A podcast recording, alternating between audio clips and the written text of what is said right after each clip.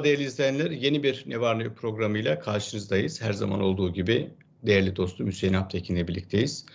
Konuğumuz Doktor Necdet Özçelik, terör ve güvenlik uzmanı. Daha önce de e, birlikte yayın yapmıştık. E, Necdet Hocam hoş geldin öncelikle yayınımıza. Teşekkür ediyorum hocam. Ee, biz teşekkür ediyoruz hocam. Şimdi yayında son dönemde e, terörle mücadele sürecinde e, yeni bir konsept e, konuşuluyor. Tabii seçimden sonra biz ağırlıklı olarak siyasetin e, rutin gündemini konuşuyoruz. Hem iktidar açısından hem partiler açısından ama bir taraftan da tabii ki terörle mücadele yoğun bir şekilde devam ediyor.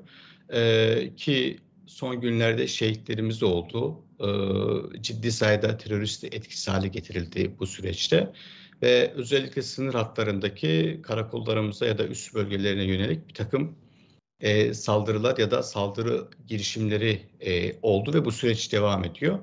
E, bunu konuşacağız e, bu yayında. E, Necdet Hocam hemen size sorayım ben. Yani e, hem yeni konsept açısından bakarsak nasıl bir e, paradigma var önümüzde? E, Türkiye açısından, Türk Silahlı Kuvvetleri açısından e, ya da ülkemizin güvenliği açısından hem de bu e, PKK, PYD e, bağlamındaki bu yeni hareketliliği e, nasıl yorumlamak lazım? Neden böyle bir hareketlilik başladı? Biliyorsunuz e, Türkiye sadece tek bir terör örgütüne karşı değil, çoklu terör örgütüne karşı çeşitli e, farklı güvenlik ortamlarında e, ve farklı yöntemlerle e, angajman çeşitliliği dahilinde mücadele ediyor. Bu anlamda biz e, DAEŞ'la mücadeleyi ülke içinde e, ve e, Türkiye'nin harekat alanları içinde Suriye'deki e, harekat alanlarından bahsediyorum. Genel olarak polisiye operasyonlarla e, yürütüyoruz.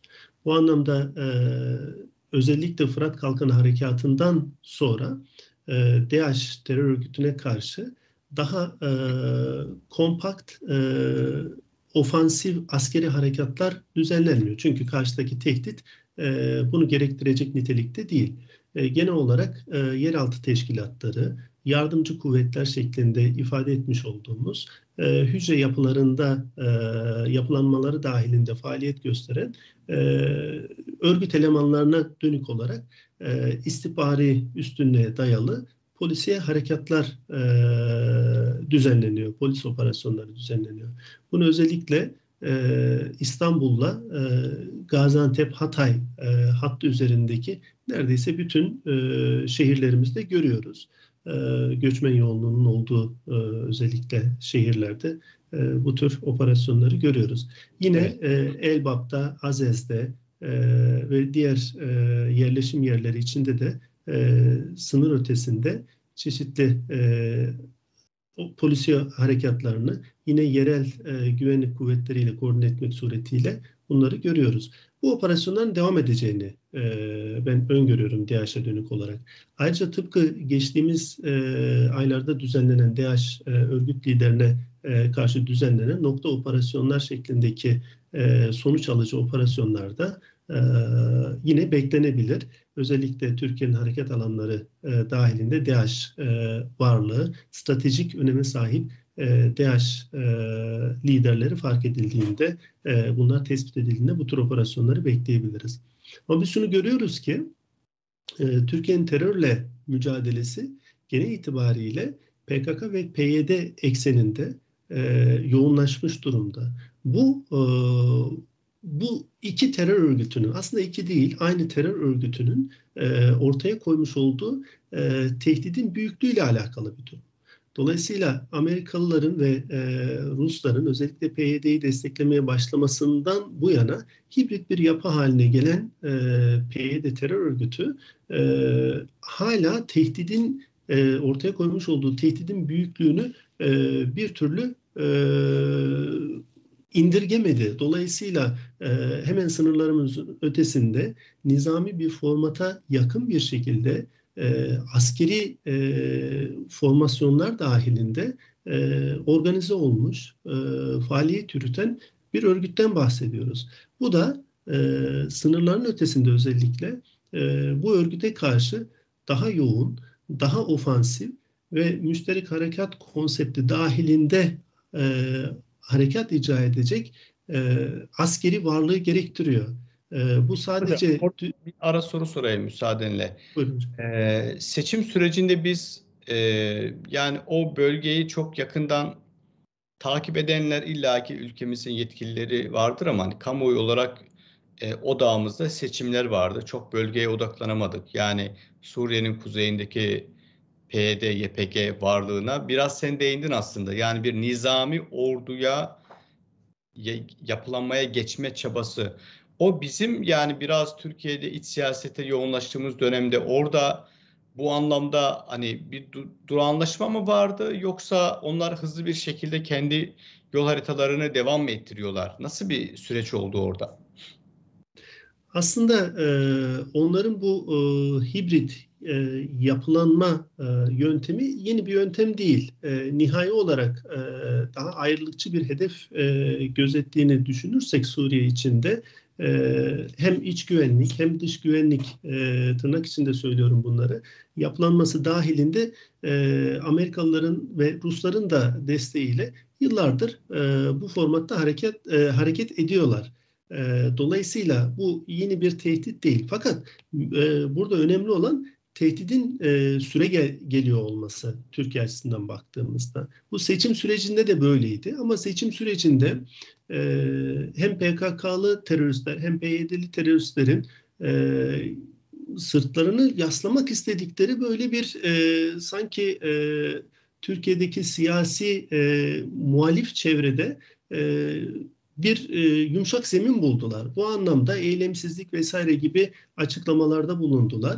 E, ve e, çok e, eskiden olduğu gibi daha agresif e, bir şekilde e, bulunmuş oldukları bölgelerden e, saldırı düzenlemediler. Ama ee, yine e, tıpkı İdil'de, Cizre'de olduğu gibi Türkiye topraklarında, e, ülke toprakları içinde, e, yine Azez bölgesinde, e, Amedya bölgesinde, e, Zap bölgesinde, e, Irak kuzeyinde olduğu gibi e, az da olsa saldırılarını seçim sürecinde e, yürüttüler, yaptılar.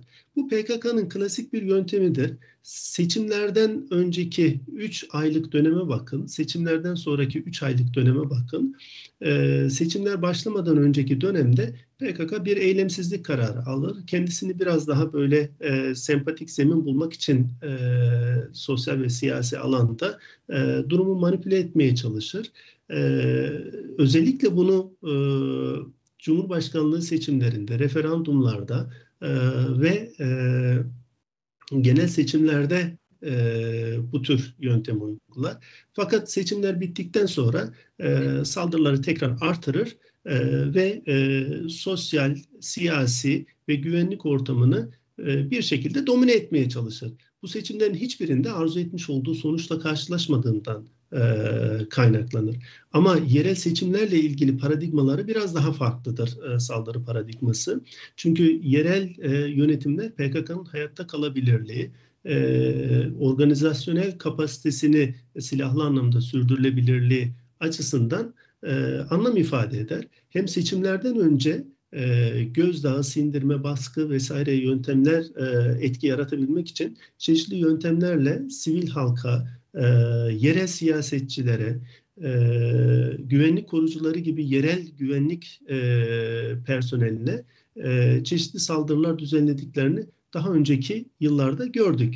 E, şu an itibariyle e, geçirdiğimiz e, seçimden sonra da e, işte PKK'lı e, teröristlerin e, sözcülüğünü yapan, e, atanmış e, teröristler diyelim, e, işte Bese Hozat gibi, Yaşar Çiya gibi Bunlar e, seçimlerden sonra eylemsizlik kararlarını ortadan kaldırdıklarına dair çeşitli açıklamalar yaptılar. Aslında e, seçim sonuçlarıyla e, çok da e, seçim sonuçlarından çok da mutlu olmadıklarına dair bir e, işaret bu. E, bu hep süre geliyor e, bu şekilde. Bundan sonra da PKK'lıların e, PYD ile organize bir şekilde rejim unsuruyla organize bir şekilde ve şunu da hiç dikkatlerden e, kaçırmayalım.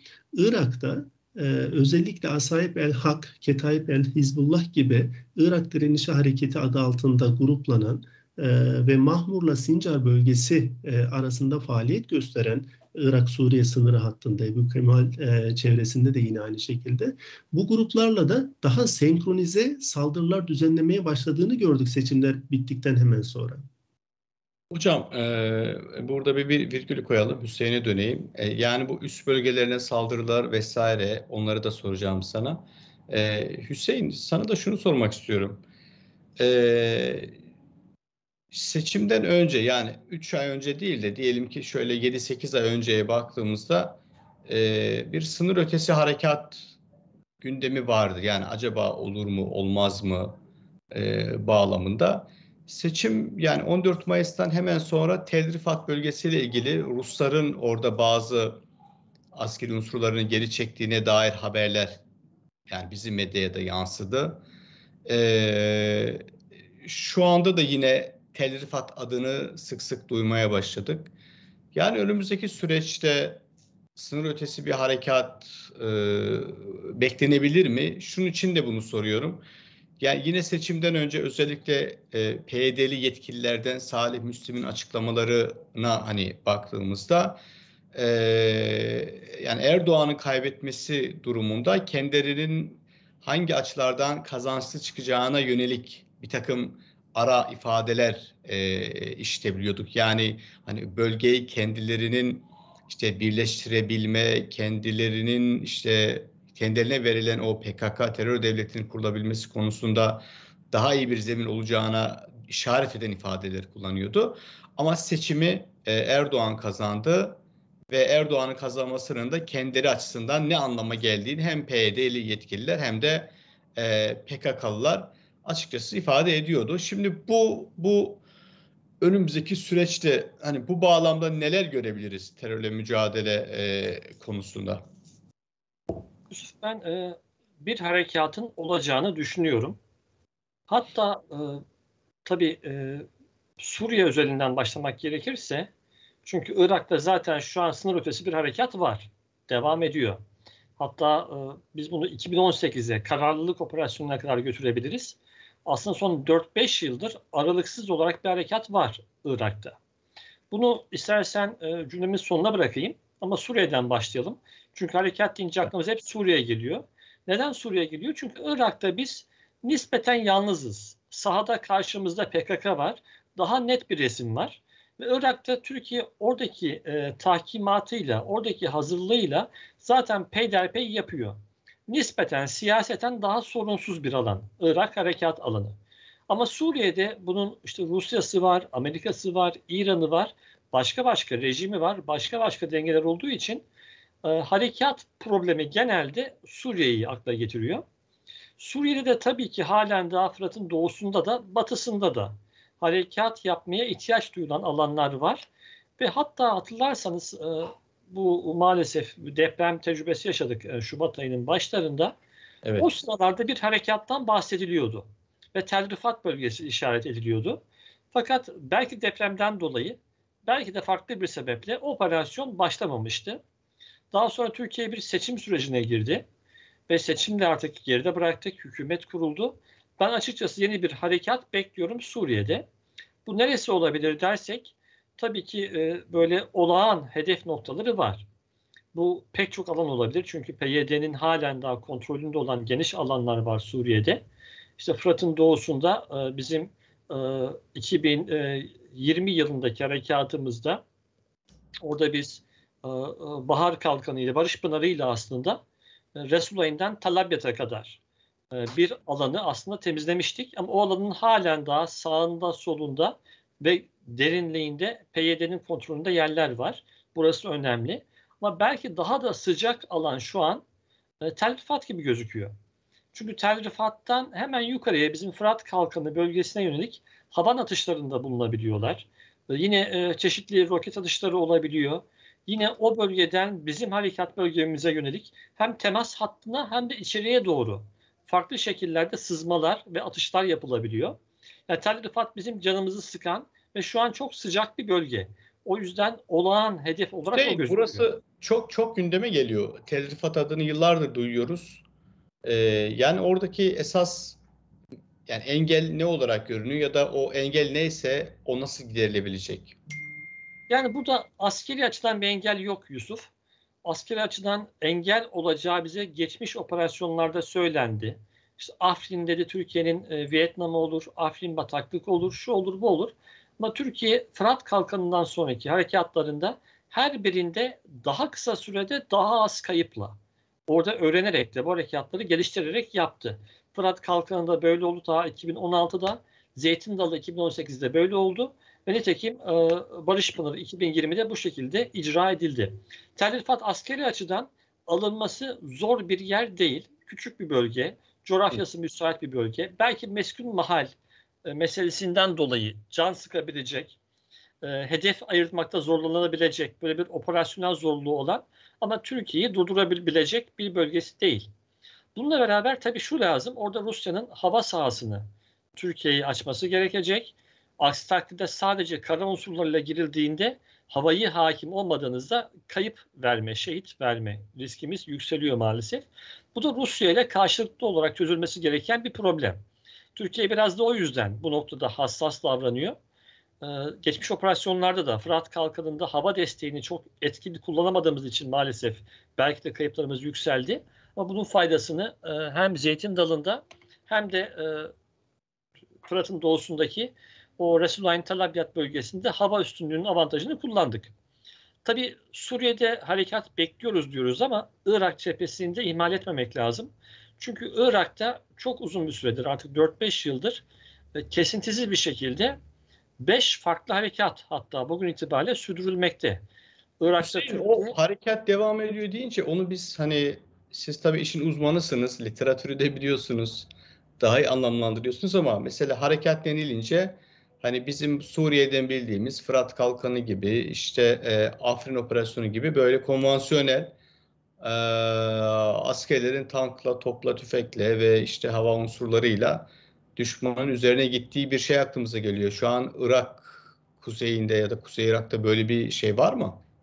Ya da neyi kastediyorsun? Böyle bir fark var e, Yusuf. Tabii e, Suriye'de e, çok büyük oranda meskun mahalleleri, şehirlere girildi. Bir Afrin gibi, Elbap gibi şehirler terör örgütlerinden, DAEŞ'ten veya PYD'den alındığı için hale daha komplike bir resim vardı karşımızda.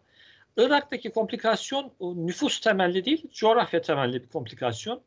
Mağaralar, geçitler, hatta hiltilerle içerisinde çalışılmış neredeyse harekat merkezine dönüştürülmüş mağaralardan bahsediyoruz. Coğrafyayla mücadele ediyor Irak'ta Türk ordusu. Ve orada da harekat aslında devam ediyor ama şöyle tabii ki böyle e, girelim 3 e, haftada 4 haftada bir şehri PKK'dan alalım şeklinde değil. Oradaki araziyi PKK'dan arındıralım.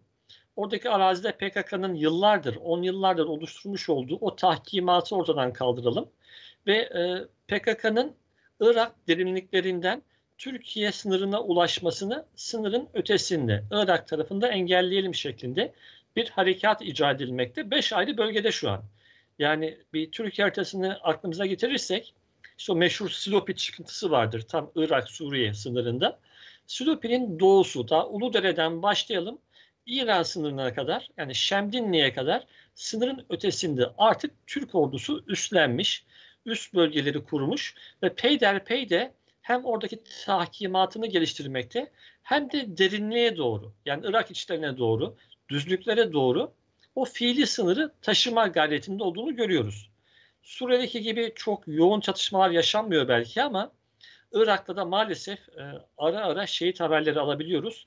Çünkü hem uzaktan atış yapabiliyorlar hem de EYP'lerle, mayınlarla maalesef e, hareket halindeki unsurlarımızı hedef alabiliyorlar.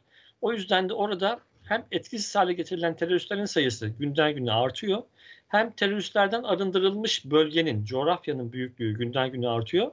Bunlar tabii ki çok olumlu ama maalesef e, geçici bir süre içinde olsa ben inanıyor, inanıyorum ki şehitleri vermeyi artık e, duymayacağız haberlerde.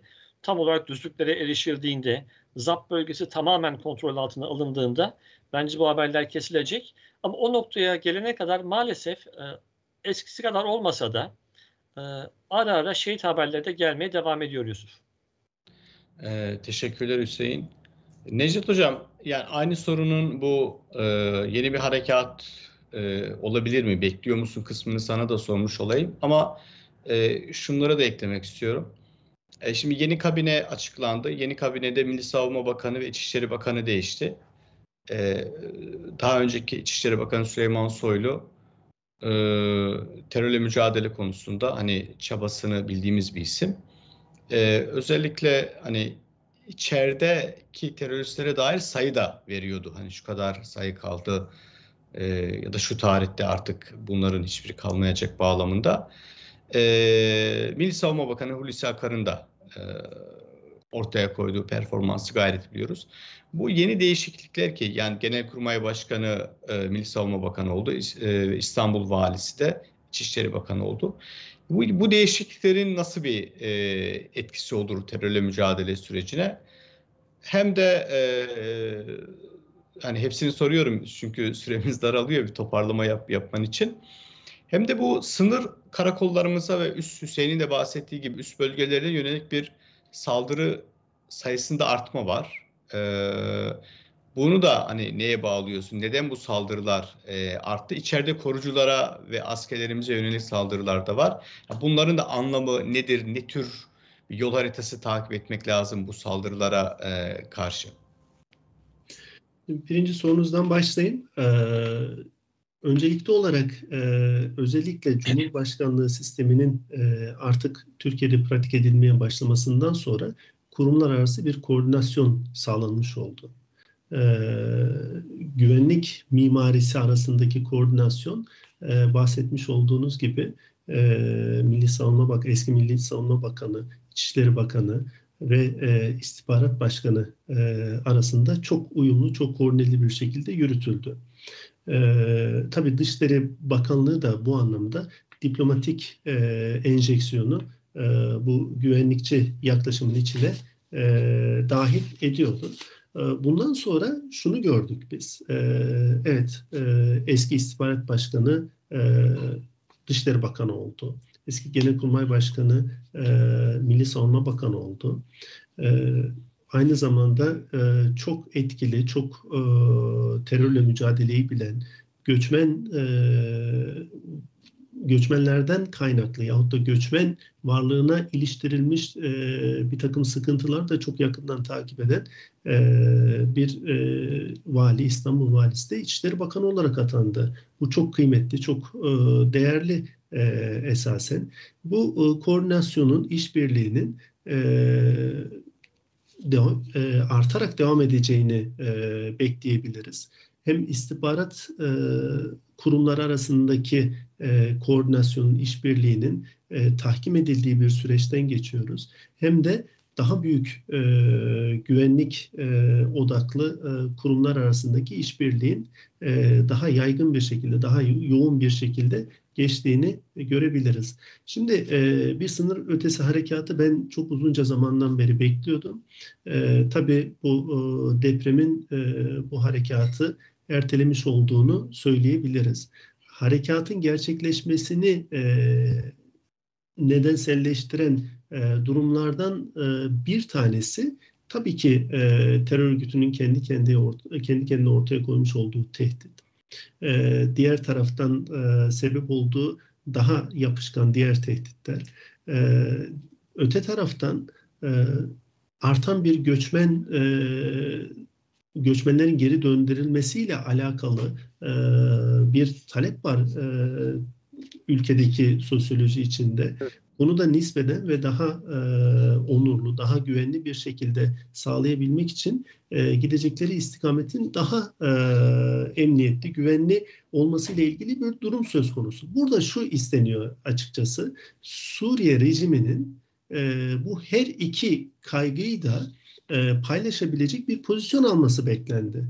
Ama bunu e, bu rejim bir türlü sağlamadı. Ne e, göçmenlerin güvenliğiyle ilgili, güvenli bir şekilde geri döndürülmesiyle ilgili ne de diğer terör örgütlerinin e, Suriye içindeki varlıklarıyla ilgili bir adım atmadığını, Türkiye ile de işbirliğine yanaşmak istemediğine dair geçtiğimiz birkaç ayın içinde e, gelişmeler oldu. Meseleyi bir türlü diplomatik e, tartışma boyutuna da e, taşımak istemedi Suriye rejimi.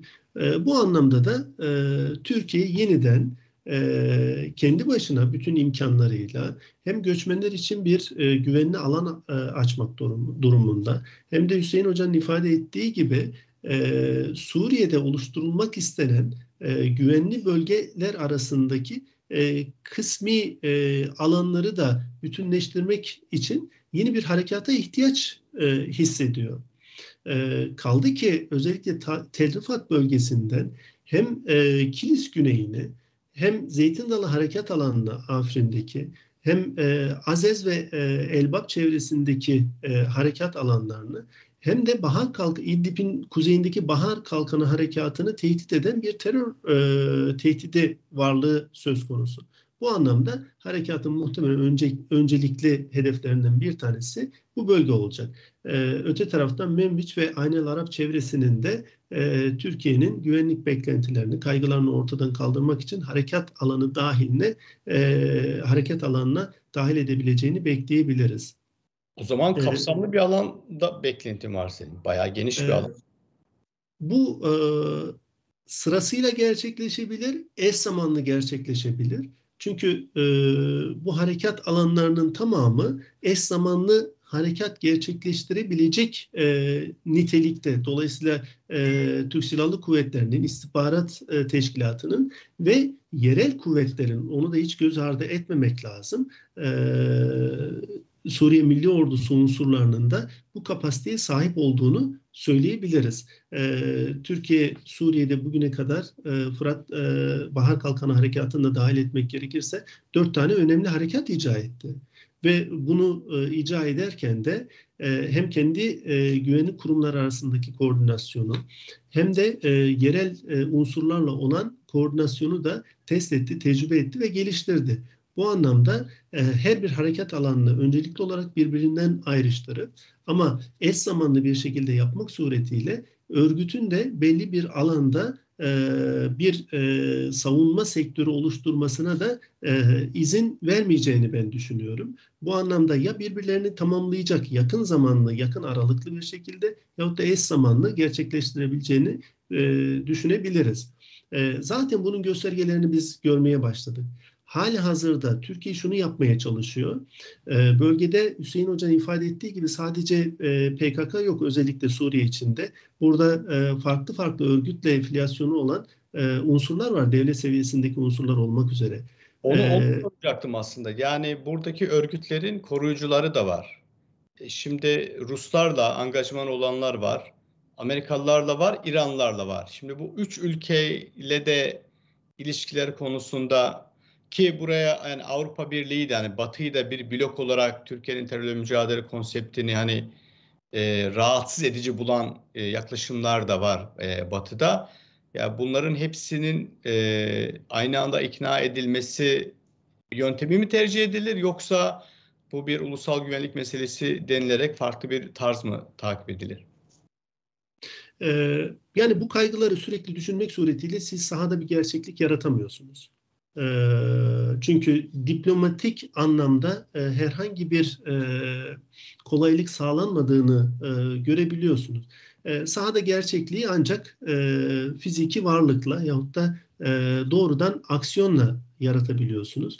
Bu anlamda da göstergelerini almaya başladık. Özellikle geçmiş olduğumuz son bir hafta içindeki yaygın insansız hava aracı angajmanları vasıtasıyla rejimle örgüt arasındaki e, İran destekli e, mezhebi terör gruplarıyla e, örgüt arasındaki e, bağları koparmak için e, çok önemli kilit hedeflere, e, şahıslara, e, tesislere e, bir takım e, angajmanlar düzenlenmeye başladı. Bu çok anlamlı açıkçası. Hem e, bu ilişkinin kırılganlığını gösteriyor hem de e, PYD'yi e, bu örgütlerden tecrit etmek yahut da bu unsurlardan tecrit etmek e, suretiyle yalnızlaştırdıktan sonra doğrudan bir daha e, kapsayıcı bir e, ofansif taarruzi harekatı bekleyebiliriz. Bunun bir müddet süreceğini ben bekliyorum açıkçası. Çünkü e, bu ilişki yıpratılması gerekiyor ki bu ilişkilerin e, ardından örgütü himaye eden e, aktörlerin de e, daha defansif bir pozisyon alması yahut da mesafeli bir pozisyon alması sağlanmalı. E, evet doğrudan Amerikalılara yahut da Ruslara angajman yapmak beklenmeyebilir ama örgütle e, bu e, devletler de e, aynı zamanda çeşitli vekil aktörler vasıtasıyla da e, ilişki kurabiliyorlar. Özellikle örgüt içinde yarı askeri, yarı siyasi e, roller üstlenmiş olan kişilere düzenlenebilecek bu tür angajmanlar e, dolayısıyla e, bu devletlerin e, bu terör örgütüyle olan ilişkisini de sorgulatmaya başlayacak ve e, ülkenin de e, niyetini, Türkiye'nin de niyetindeki ciddiyeti ortaya koymuş olacak. Şimdi e, saldırılardan bahsettiniz. Geçmiş olduğumuz hafta içinde e, tam 8 tane saldırı e, ben kaydettim. Bu 8 saldırı e, 4 farklı aktör tarafından gerçekleştirildi. PKK, e, PKK bunu hem e, Türkiye içinde gerçekleştirdi hem e, ZAP alanındaki harekat bölgesinde gerçekleştirdi. E, PYD e, saldırı gerçekleştirdi. Bunu Fırat Kalkanı Harekat Bölgesi ne düzenlemiş olduğu 122 milimetrelik roketlerle ve e, havan ve e, topçu atışlarıyla yaptı. Yine rejim unsurları gerçekleştirdi. Onlar da PKK'lıların bu kullanmış olduğu e, yöntemleri kullandı. E, bir diğer e, saldırı da e, Türkiye'nin hemen Musul'un kuzey doğusundaki e, askeri üssüne dönük olarak İran destekli Asayip el e, Hak ve e, Ketayip el Hezbollah gibi e, Haçlı Şabi bileşenleri maalesef e, tarafından. Şimdi bu bunun son iki başlık ilginç yani bunlar çok kamuoyuna yansımadı. Rejim unsurları ve e, Haçlı Şabi bağlamında yansımamış. Yani bunlar e, kayıtlı e, bilgiler mi hocam? Yani çünkü biz genelde PKK olarak, PYD olarak e, tanımlıyoruz. Öyle devam ediyor. Tabii hocam yani e, bu gelişmeleri takip etmek için biraz daha sahayla e, daha yakın olmak lazım. Sosyal medyada çok fazla böyle bir bilgi e, dominansı var. E, dolayısıyla normal klasik medyada ya da sosyal medyanın daha dışında sahadaki e, gözlemlere dayalı olarak ben bunu e, söylüyorum. Bunlar da tabii ki kayda geçmiş, e, not edilmiş, e, gerçekleşmiş saldırılar. Şimdi bunu e, bu saldırıları düşündüğümüzde şunu görüyoruz. Karşınızda bir tane aktör yok. E, bu anlamda tek bir aktöre angaja olmanızı istemiyorlar. Eş zamanda bu saldırıların çoğu. Farklı bölgelerde, e, Azez bölgesinde oldu, e, Suriye'de, e, Afrin bölgesinde oldu. Irak'ta e, hemen Musul bölgesinde Sincar'ın e, güneydoğusunda meydana geldi. Irak'ta yine aynı şekilde e, Zap bölgesinde meydana geldi. Diğer taraftan Türkiye içinde Cizre'de meydana geldi. E, ve e, PKK jargonunda Botan bölgesi olarak ifade edilen Pervari ile e, Beytüşşebap arasındaki e, bölgede meydana geldi. Bir de Kilis'in güneyinde e, bizim e, sınır kapısı bölgesinde meydana geldi. Baktığınızda şunu görüyorsunuz. E, bu güvenlik ortamını dört bir köşeden çekmek suretiyle mümkün mertebe genişletmeye çalışıyorlar. Ve bunu yaparken de şunu aslında hedefliyorlar.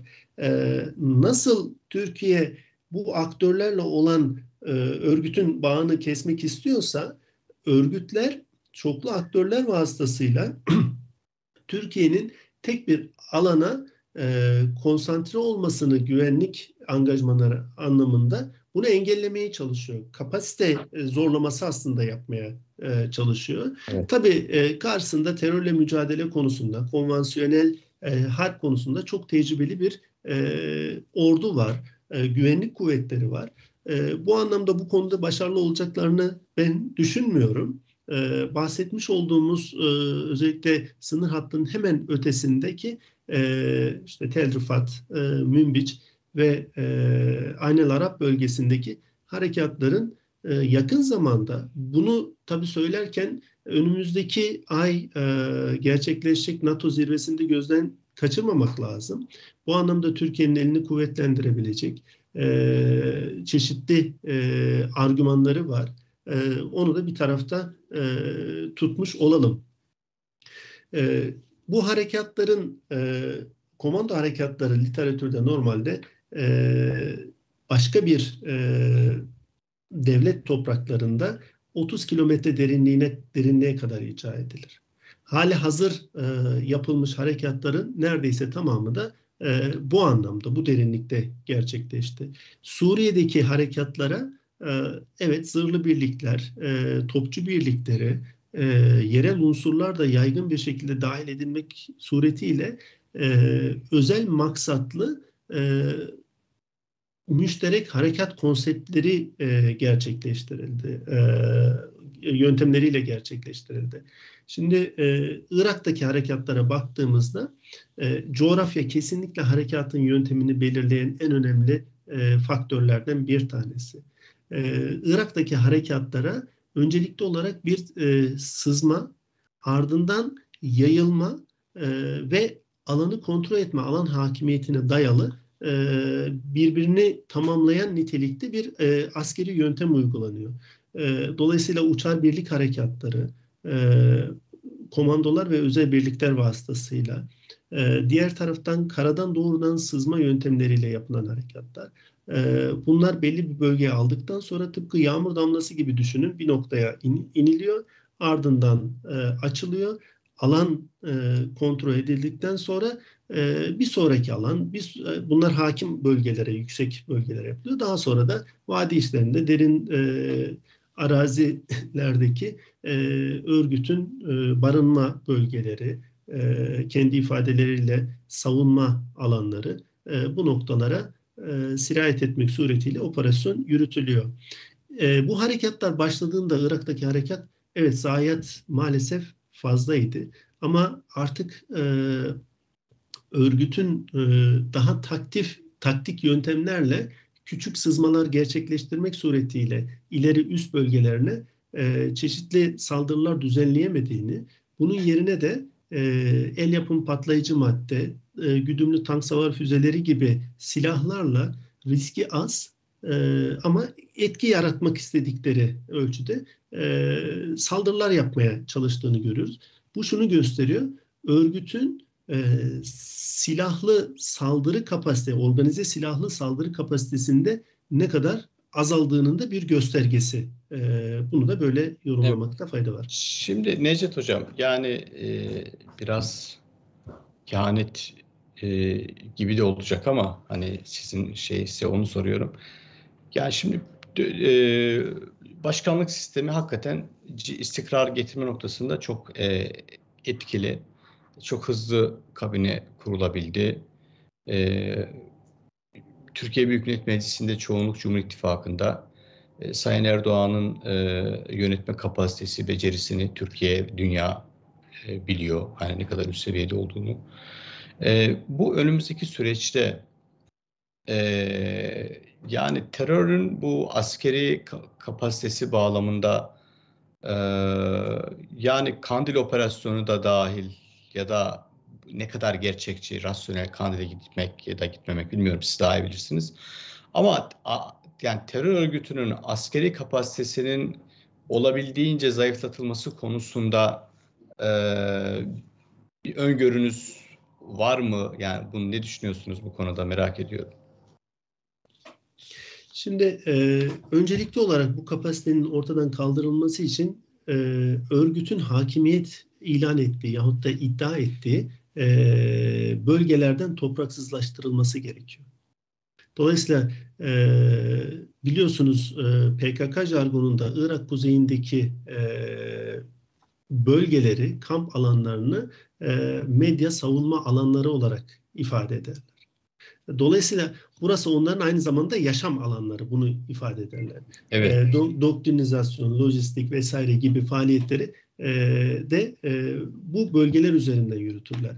E, yine e, Hüseyin Hoca'nın ifade ettiği gibi e, Silopi'nin hemen doğusundan başlamak üzere Haftanin, onun doğusunda Metina, onun doğusunda e, Zap, onun doğusunda Avaş'ın biraz daha güneyinde Basyan, onun daha doğusunda Hakuk alanlarının tamamında askeri harekat icra edildi.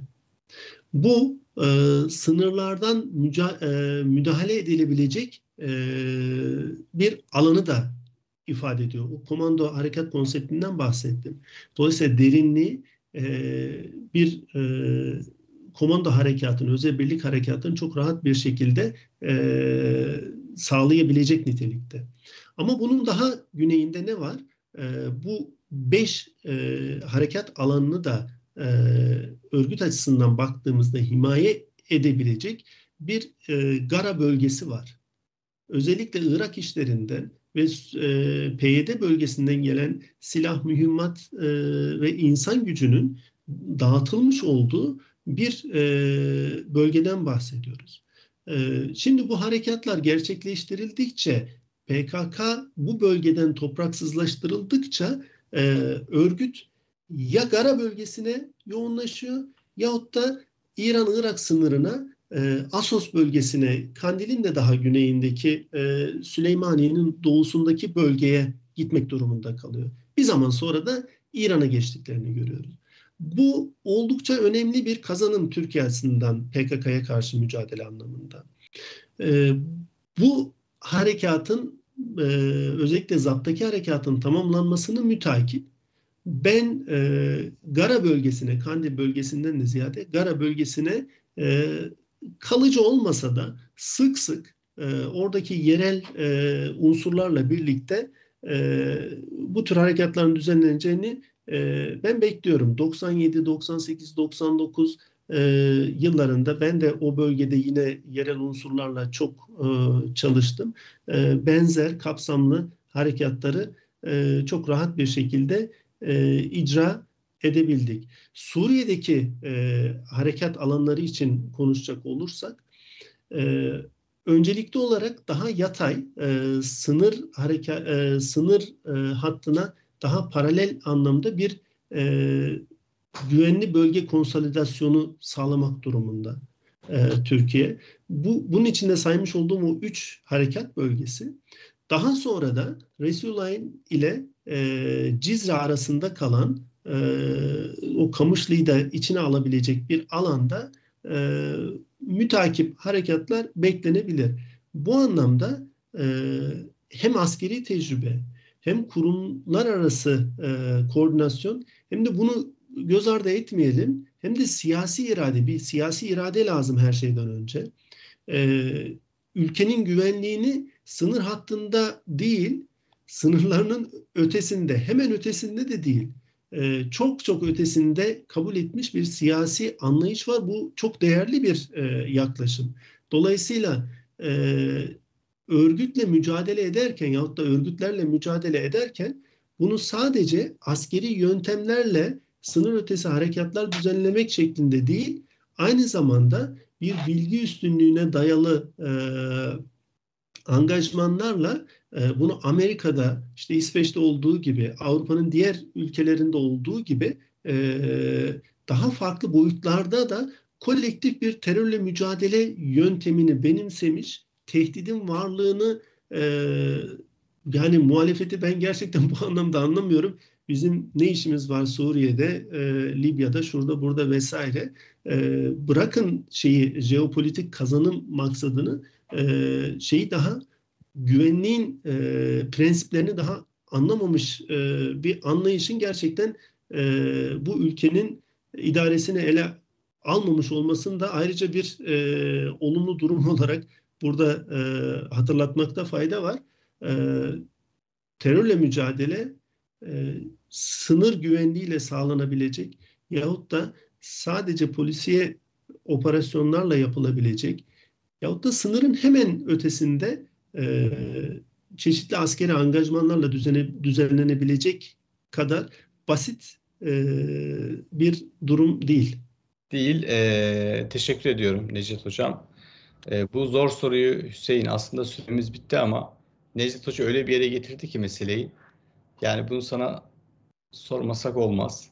önümüzdeki süreçte ya meselenin askeri boyutuna dair sen de söyledin, Necdet Hoca da söyledi. İstersen önümüzdeki süreçteki bu hani ya geniş kapsamlı operasyonlar konusunda e, değinebilirsin ama ben sana biraz bu e, işin sosyolojisini ve siyasi boyutunu sormak istiyorum. Yani önümüzdeki süreçte PKK'ya yönelik e, işte özellikle HDP bağlamında ortaya çıkan e, sahiplenme ya da söylemsel e, sahiplenme, e, siyasi angajman, destek, HDP üzerinden diğer bazı işte CHP çok yakın ilişkideydi seçimden önceki süreçte.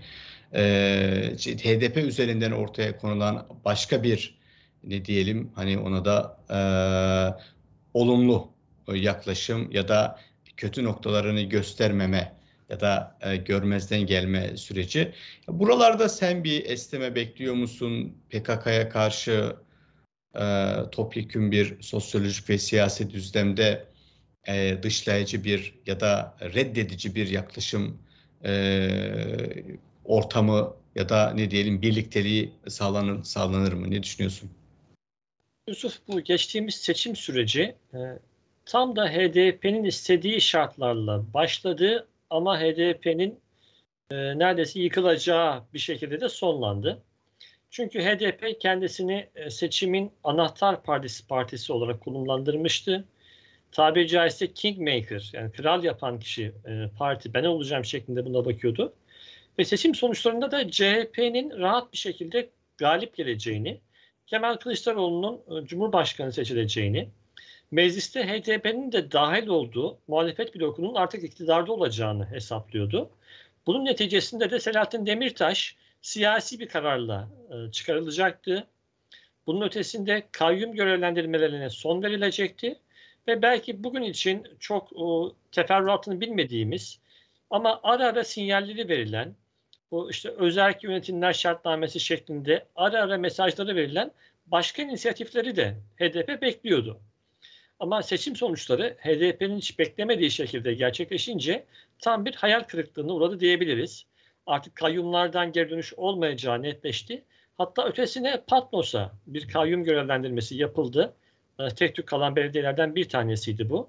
Dahası Demirtaş belki biraz da kişisel, biraz da kendi psikolojisinde bunu kaldırmamış olabilir.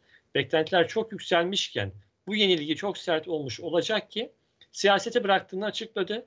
HDP eş genel başkanları bu görevi bıraktıklarını açıkladılar.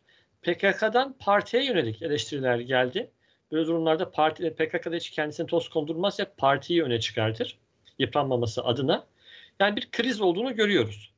Öte yandan da zaten bölgede e, HDP'nin kan kaybettiğini görüyorduk. E, bu farklı inisiyatiflerle önümüze çıkıyordu. Ama bu seçimlerde de ikinci turda özellikle HDP'nin ve PKK'nın çağrısına rağmen sandığa gitme oranlarında bir düşüş gözlemlendi. Bu da HDP'nin ve PKK'nın ayrı ayrı değerlendirmesi gereken onlar adına kritik bir sürecin başladığını göstermekte. Teşekkürler Hüseyin. Ee, yani önümüzdeki süreçte ya bu konuda e, bence yani ciddi bir süreç bizi bekliyor. Yani sizin anlattıklarınızdan anladığım şu e, aslında biz yani terörle mücadele konusunda ya da güvenlik konusunda uzman olmayanlar bu konuyu çok yakından takip etmeyenlerin e, öngörmediği bir süreç bizi bekliyor. Yani bu harekat meselesini ne ikiniz de e, yani beklediğinize dair çünkü sahayı biliyorsunuz argümanları biliyorsunuz, e, somut çıktılar biliyorsunuz. Bir, bir virgül koyayım. E, sahayı e, tabii Necdet Hoca e, bilir. Tabii yani, bir eski bir asker. Necdet Hoca eski bir asker olarak. Hem tecrübe açıdan iki türlü de bilir. Evet. Siz de analiz ediyorsunuz. Ee, hem e, Irak kuzeyi hem Suriye'nin kuzeyi konusunda hani bu anlamda e, ciddi bilgiler paylaştınız. Teşekkür ediyorum. Bu arada tabii Hüseyin bizim e, bir ara verme zam zamanımız geldi. Bayağı bayağı yayın yaptık, yorulduk. Necdet hocamız da bizim son programa eşlik etti. Yani bu tatilden önceki. Ee, kıymetli izleyenler, önümüzde Kurban Bayramı var. Ee, yaz tatili de var. Ee, bu vesileyle biz de ne var ne yoka bir süre e, ara vermiş oluyoruz. E, inşallah sonraki yayında e, görüşmek üzere diyelim. Şimdiden de Kurban Bayramınızı e, tebrik etmiş olalım. Hoşçakalın. Kendinize iyi bakın.